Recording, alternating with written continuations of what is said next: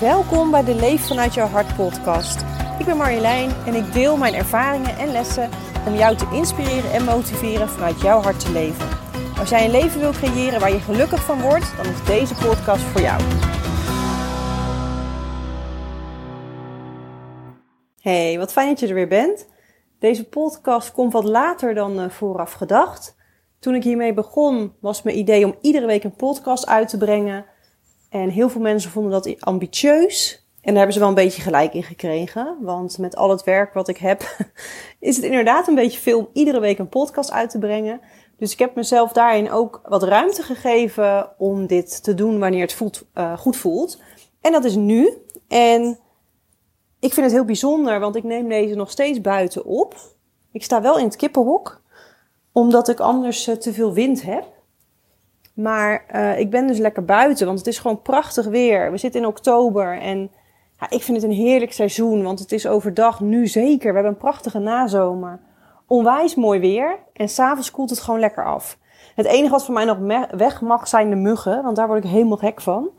Uh, op de een of andere manier hebben we dit jaar heel veel muggen. Maar goed, daar uh, doen we niks aan en waarschijnlijk over een maand zijn die weg.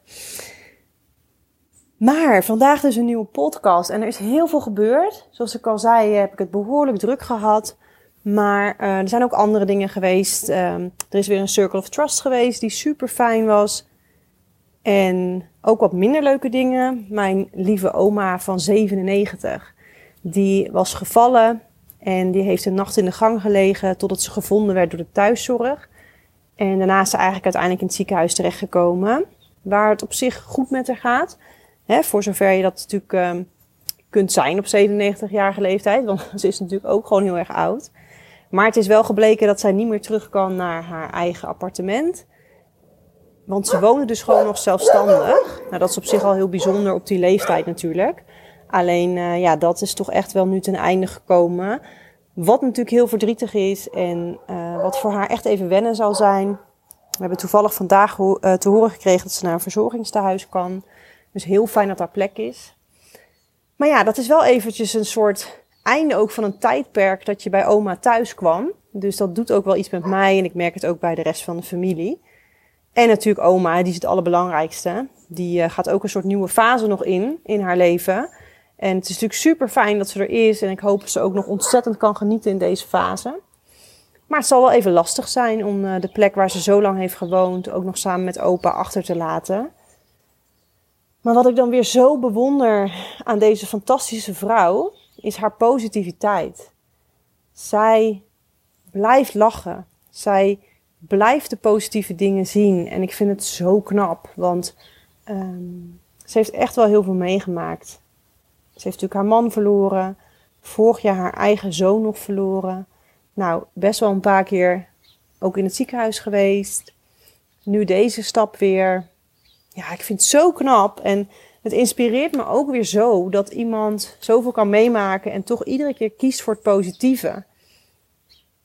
En dat blijft iets wat ik ontzettend inspirerend vind en waar ik ook altijd mijn best voor doe om dat ook te zijn. Want we kunnen simpelweg altijd kiezen voor de minder leuke dingen, want die zijn er ook altijd. Het is niet alleen maar love and light en alleen maar mooi.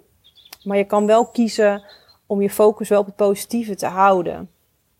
Waarmee ik natuurlijk niet bedoel dat de dingen die niet goed zijn of vervelend zijn of zeer doen, dat je die weg gaat stoppen. Uh, dat zie je ook wel veel gebeuren. Ook in spiritualiteit zie je dat wel veel. En daar geloof ik niet zo in. Het is niet uh, alleen maar love and light. Het, het, betekent niet dat alles alleen maar altijd leuk is. Sterker nog, hier op aarde heb je nou juist die dualiteit. En dat is ook iets wat we te ervaren hebben en mogen beleven. Alleen uiteindelijk is het natuurlijk wel goed om een keer weer daaruit te stappen en het positieve te zien. En ik denk mensen die dat doen en kunnen, ja, die hebben vaak zo'n rijker leven dan mensen die alleen maar naar het negatieve kijken en in die spiraal komen van negativiteit. En, en ja, toch echt zuur worden. Nou, dat zal ik nooit willen worden. Dus mocht ik ooit zuur worden, laat het maar alsjeblieft weten. Um, nee, ik denk niet dat het ooit gebeurt, want zo ben ik gewoon niet bedraad. Maar ik ken wel mensen die dat een stuk moeilijker vinden. En soms heb je dan even mensen nodig, zoals ik in deze podcast, of wellicht een vriend, vriendin, wie dan ook, die je eventjes uit dat cirkeltje kan halen en kan zeggen: hey, focus even op de dingen die je wel wilt.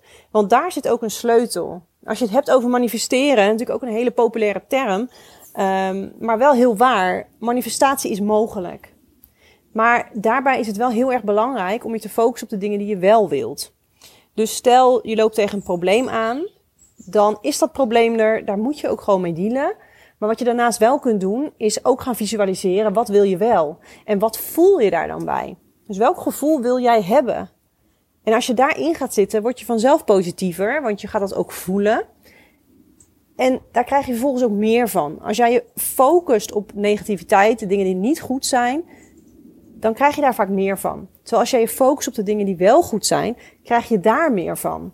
Ja, en wie wil dat nou niet, zou ik bijna zeggen. En ik heb mezelf de laatste weken heel vaak horen zeggen: fake it till you make it. En ik denk dat sommige mensen daar een negatieve uh, ervaring mee hebben, of in ieder geval een negatief beeld bij hebben. Maar wat ik daarmee bedoel, is dat je soms gewoon met je gevoel nog niet daar bent. Dus je kunt met je gedachten wel zeggen: oké, ik moet positief denken, ik moet me goed voelen. Maar ja, daar ben je soms gewoon nog niet. En wat dan soms echt helpt, is fake it till you make it. Dus doe maar alsof. Ga toch maar gewoon lachen. En lach, en lach alsof je het meent. En vanzelf ga je het menen. Dit is echt waar. En dat klinkt heel stom en misschien denk je dat kan ik niet. Maar ga dan maar denken, nee, ik kan dit wel. Ik vind het super makkelijk. Ik voel me super goed. En dan gewoon lekker gaan lachen. En dan zul je zien dat er een switch komt in je energie. Soms moet je inderdaad even faken totdat je daar bent. En soms duurt dat lang. Dat ligt eraan waar het over gaat.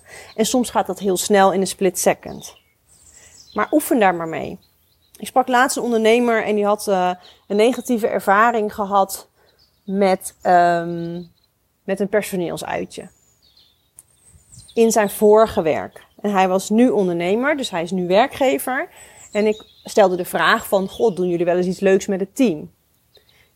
En toen kreeg ik de reactie, nee, dat vind ik echt verschrikkelijk. En um, ja, toen vroeg ik natuurlijk door van, joh, maar waarom vind je dat dan zo verschrikkelijk? Want dat is juist vaak een hele mooie mogelijkheid om mensen bij elkaar te krijgen, om het goede gevoel te krijgen, even los van het werk iets leuks te doen. Nee, ik vind het helemaal niet leuk, want uh, ik heb dat ooit in het verleden gedaan bij mijn vorige werkgever. En daar waren twee mensen heel negatief aan het doen en dat eindigde in ruzie. Nou goed, er was een heel verhaal waarom die dat niet als prettig had ervaren. En toen heb ik hem toch nog weer benadrukt van, hey, ten eerste ben jij nu de werkgever en sta jij aan het roer. Dus jij hebt ook iets te vertellen over hoe zo'n personeelsuitje eruit ziet. Ten tweede was het zo dat hij helemaal niet die spanningen in zijn team had. En ten derde werd het hem toch wel duidelijk gedurende het gesprek dat het ook belangrijk is om iets leuks te doen, los van het werk. Toen heb ik hem ook geadviseerd, fake it till you make it. Ga gewoon doen alsof je het leuk vindt. Want als jij nu iets gaat organiseren en je hebt er een hele negatieve associatie mee, een negatief gevoel, straal je dat ook uit naar je team. Dus laat hen alsjeblieft niet merken dat je dat hebt. En dit is natuurlijk een voorbeeld wat heel praktisch is. En wat denk ik ook wel heel herkenbaar is. En nu, een tijd later sprak ik hem weer. En nou is, zijn, is langzaam zijn gevoel erover aan het veranderen. Ik wil niet zeggen dat hij het nu opeens fantastisch vindt. Want het uitje is ook nog niet geweest. Dus dat zal hij eerst moeten ervaren. Maar hij heeft nieuwe ervaringen nodig om dat oude stuk te overschrijven. En je krijgt alleen maar nieuwe positieve ervaringen als je ze positief insteekt. Als jij met een negatief gevoel dit neer gaat zetten, ja, dan kan ik de, kun je er donder op zeggen dat dat niet goed gaat. Dus je staat gewoon wat dat betreft echt aan het roer van jouw leven. Omstandigheden kunnen altijd veranderen. Er gebeuren altijd ook wel dingen die niet fijn zullen zijn. En soms ook periodes niet. Maar dit is wel het leven waar we in leven. We hebben die dualiteit tussen goed en kwaad, uh, positief, negatief, leuk, minder leuk, noem het maar op. Maar de vraag blijft altijd, hoe ga jij daarmee om? En we hadden laatst, vond ik wel heel erg tof, hadden wij een, uh, voor een van mijn opdrachtgevers hadden we een deskundigheidsdag met het hele team. En dan hadden we in de ochtend een gastspreker. En dat was uh, Mark van der Kuilen. En ehm, hij had een heel inspirerend verhaal, zijn verhaal. Dan vind ik dat altijd heel inspirerend, de verhalen van mensen zelf. En hij vertelde over dat hij eigenlijk vroeger nooit zo goed wist wat hij wilde, maar dat hij wel echt heel duidelijk het gevoel had, ik wil bij Defensie. Dus eigenlijk wist hij wel wat hij wilde, maar niet in de zin van wat voor type opleiding. Hij wilde graag bij Defensie. Nou, hij is dat ook gaan doen en hij vertelde vol geuren en kleuren over zijn ervaringen en hoe fantastisch hij dat vond. En dat was alleen al heel inspirerend, want hij volgde daar echt zijn hart. Ook al had zijn moeder wel zijn, de, haar bedenkingen erover gehad. Maar hij wist gewoon, dit is wat ik wil gaan doen. Hij is twee keer uitgezonden geweest. En de eerste uitzending, nou, daar vertelde hij over. was allemaal ook heel erg nou ja, leuk. Dat klinkt een beetje raar. Maar wat hij ook vertelde was dat als jij dit gaat doen, uh, dan ben je op zoek naar dit gevaar. Je wil uitgezonden worden. En dat wil niet zeggen dat je natuurlijk wil dat die oorlog er is. Maar hey, je bent nou eenmaal wel opgeleid om dit te gaan doen. Nou, en toen vertelde hij over zijn tweede uitzending. En toen moesten ze een bepaalde missie doen. Uh, die best wel uitdagend was en ook best wel gevaarlijk. Maar toen zei hij ook weer, ja, dit is eigenlijk een beetje die Champions League waar je naar op zoek bent. Dus dat was gebeurd. Maar uh, Mark was in een rolstoel binnengekomen bij de, uh, bij de lezing, bij de locatie waar we waren. En hij vertelde dus ook waar dat mis is gegaan. En wat is er nou gebeurd? Was in Afghanistan. Hij is door uh, eigen vuur is hij geraakt. En daardoor heeft hij zijn benen verloren, beide benen. Heel heftig natuurlijk. Maar hij bleef doorvertellen. Hij bleef vertellen hoe hij in het revalidatiecentrum aan zijn fysiotherapeut had gezegd uh, dat zijn doel was om daar lopend weg te gaan. Dat is hem ook gelukt. Hij is met krukken daar uh, lopend uh, naar de poort het revalidatiecentrum afgekomen. Maar dat was ook de laatste keer dat hij zijn, zijn krukken heeft gebruikt. En volgens mij had hij ook prothese, maar ik weet het niet eens meer zeker. Um, en vervolgens is hij in een rolstoel gegaan. En ja, hij zegt die benen, dat zat me eigenlijk alleen maar in de weg. Hè? Dat, dat gedoe met die krukken. Dus hij vond die rolstoel veel prettiger. Wat is hij nou vervolgens gaan doen? Hij is gewoon in het basketbalteam terechtgekomen, Paralympisch. En is uiteindelijk in Rio terechtgekomen, de Olympische Spelen. En dat alles is gedreven geweest doordat hij een gevoel had in het revalidatiecentrum van ik ga nog fantastische dingen doen met mijn leven. En ik vertel het nu natuurlijk even heel kort en ik vertel het lang niet zo goed als dat hij dat natuurlijk zelf deed. Maar wat ik daar zo mooi uit vind en wat mij daar echt in geraakt heeft, is zijn vastberadenheid om ondanks de omstandigheden het licht te blijven zien. Zijn focus te houden op de mogelijkheden en niet de onmogelijkheden. Want die zijn er natuurlijk genoeg. Hij, hij mist zijn benen. En het is bijna niet voor te stellen, vind ik, hoe dat, hoe dat zou zijn. En hoe hij het vertelde en zijn positiviteit en ook hoe zijn leven nu is. Ja, het was gewoon ontzettend inspirerend. En dat was dus in de tijd dat ik ook te maken had met mijn oma. Dat is nog steeds gaande. Maar mijn oma die dus uh, in het ziekenhuis terecht kwam. Waar ik ook weer die, die levensvreugde en um, positiviteit zag. En natuurlijk zie ik ook dat mijn, oom, met mijn oma um, verdriet heeft. Dat ze het moeilijk vindt. Maar zij kiest altijd weer voor de positieve kant. Ze kiest altijd weer voor de goede kant. En dat vind ik heel erg bijzonder. En terwijl ik dus dit van Mark hoorde, terwijl ik dus mijn oma aanschouwde hoe ze hiermee omging, kreeg ik ook nog een telefoontje van een van mijn beste vriendinnetjes dat ze van het paard was uh, gegooid.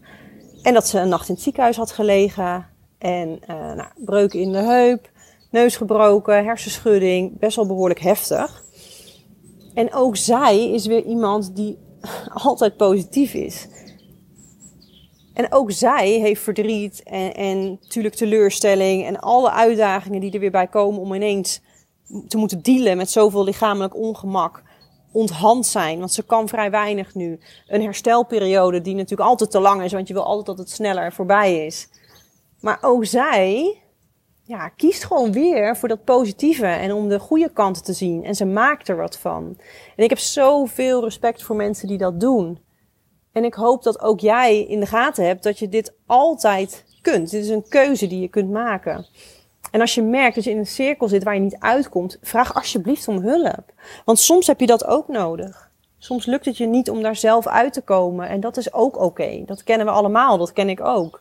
En op zulke momenten ga ik naar een vriendin. Of ik bel mijn moeder. Of ik praat er met Wolter over. Of ik ga naar een coach. Of ik doe iets waardoor ik mezelf eruit krijg. En ik denk als je dit kan, dat dat ook weer een van die mooie dingen is in het leven, waardoor je leven gewoon rijker en mooier wordt. Want uiteindelijk gaat het leven natuurlijk niet om bezittingen, om geld, macht, weet ik het wat allemaal. Het gaat uiteindelijk om hoe voel jij je en hoe ga je om met de dingen die voor je liggen. En ik heb nu natuurlijk drie voorbeelden genoemd. Mijn oma, die vriendin en uh, Mark die zijn verhaal vertelde.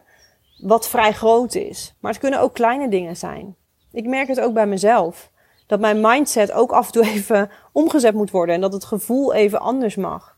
Ik heb het op het moment heel erg druk met werk. En terwijl dat aan de ene kant natuurlijk fantastisch is en heel fijn, merk ik ook dat ik mezelf er soms zo druk over maak, dat het daardoor al helemaal niet meer leuk is. Terwijl als ik even denk, oké, wacht even, stap voor stap, um, en me focus op het positieve, het, fijn dat, het feit dat ik het werk heb, dat het werk is wat ik allemaal super leuk vind, dan verandert echt mijn dag.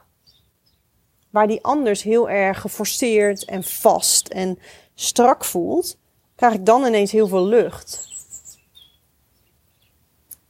En dat is een van de sleutels. Dat je jezelf iedere keer terug kunt krijgen naar die positieve trein. Als je het ziet als een trein, zeg maar, en je, ziet je zit op de trein van het leven, dan word je wel eens van die trein afgegooid. En dat is dan iets wat moeilijk is, of een lastige situatie, of iets wat verdrietig is. Of... En dat is prima, natuurlijk val je af en toe van die trein. Maar hoe snel kom je er weer op? Hoe snel kun je weer terugklimmen en ga je weer mee met de stroom? En ik denk dat dat belangrijk is. En dat is ook gewoon iets wat ik in de gesprekken die ik heb met mensen heel veel tegenkom. Dat we er even van afvallen, maar dat we dan niet in de gaten hebben dat we het zelf in de hand hebben of we weer terugklimmen of niet. En ik wil nog één keer heel duidelijk zeggen dat ik hiermee dus niet bedoel dat als je verdrietig bent, dat je meteen maar moet denken aan alle leuke dingen en dat dan het verdriet weg is. Want zo werkt het natuurlijk ook niet. Het is wel heel goed om je emoties te doorvoelen. En als je boos bent, om even een kussen te slaan of te schreeuwen of van je af te schrijven of wat er ook helpt. Maar om vanuit daar weer door te gaan en ook naar de positieve dingen te kijken. Wat ik hiermee echt bedoel is, ik heb ook wel mensen gekend en die zijn met een reden niet meer in mijn leven, die in dezelfde cirkel bleven hangen. En ik heb daar geen oordeel over, want ik begrijp dat heel goed. Alleen als ik die mensen heel vaak heel dicht bij me heb, is het wel heel veel negativiteit en heel veel gezeur en gedoe. En ik vind het oprecht heel jammer dat ze daar niet uitkomen. Maar dat is ook hun eigen weg. Blijkbaar is dat iets wat zij hier moeten leren. En ja, daar heb ik alle respect voor. Maar het hoeft niet. Je hebt namelijk altijd die keuze weer opnieuw en opnieuw en opnieuw om te zeggen: hey, wat ik nu aan het doen ben, is niet handig. Het enige wat lastig is, is om het jezelf, om het door te hebben en jezelf eruit te halen. En dat kostte me in het begin heel veel tijd.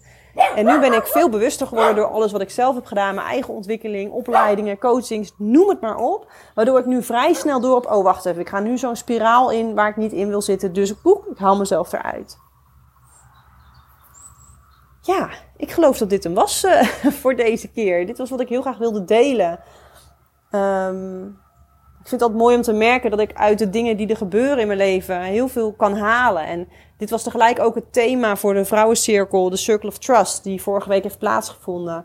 En ik gebruik dit soort dingen ook altijd daar om het te delen en daar het gesprek over te hebben met elkaar. En het is meestal heel herkenbaar, dus ik ben benieuwd of uh, dat voor jou ook weer was, deze podcast. Laat het me vooral weten. Deel uh, je reacties en deel hem ook vooral met mensen waarvan je denkt: hey, deze is super interessant of dat kan ze iets brengen.